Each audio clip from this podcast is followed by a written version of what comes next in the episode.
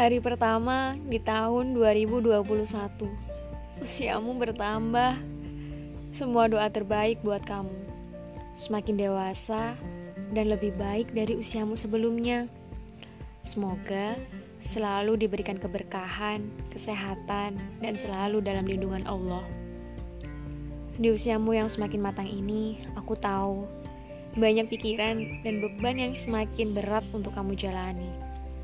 Kamu adalah lelaki tangguh yang dikirimkan Tuhan untukku. Kamu kuat, kamu dewasa dalam menghadapi semua masalahmu. Tuhan gak bakal ngasih cobaan melebihi batas kemampuan umatnya. Gak apa-apa, di luar sana banyak yang jahatin kamu Toh, tugas kita dilahirkan di dunia hanya untuk beribadah dan berbuat baik. Selamat ulang tahun. Kamu yang 29 tahun lalu pertama kali menangis ketika melihat dunia. Kamu yang pertama kali merasakan digendong. Dan kamu yang pertama kali merasakan dipeluk. Meskipun waktu itu kamu belum mengerti apa-apa.